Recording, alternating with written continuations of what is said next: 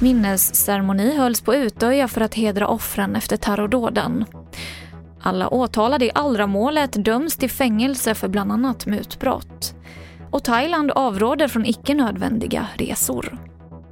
TV4-nyheterna börjar med att för en liten stund sen så hölls en minnesceremoni på Utöja där man hedrade offren efter terrordåden för tio år sedan.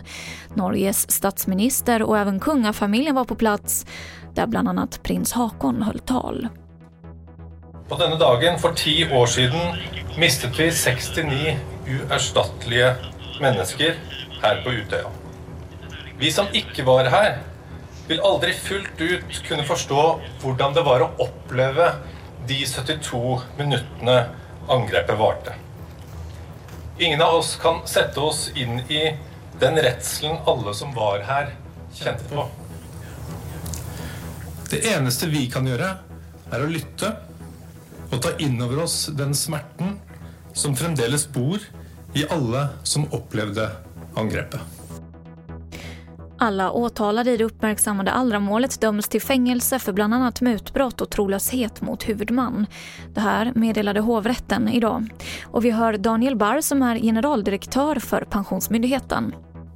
Ja, det är väldigt tillfredsställande att hovrätten nu har kommit till en annan slutsats i tingsrätten och konstaterat att den här typen av transaktioner inte är tillåtna enligt, enligt svensk eh, rätt.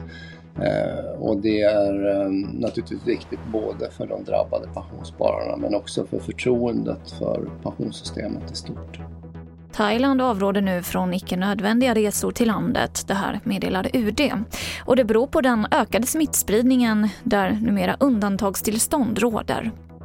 Och vi avslutar med att ingen publik tillåts på arenorna under OS i Japan. Men en lurvig annorlunda gäst, nämligen en björn, lyckades ta sig in på softballarenan i Fukushima. Och det här var bara några timmar före de japanska softbolldamernas öppningsmatch mot Australien igår. Och det här var det senaste från TV4 Nyheterna. Jag heter Emily Olsson.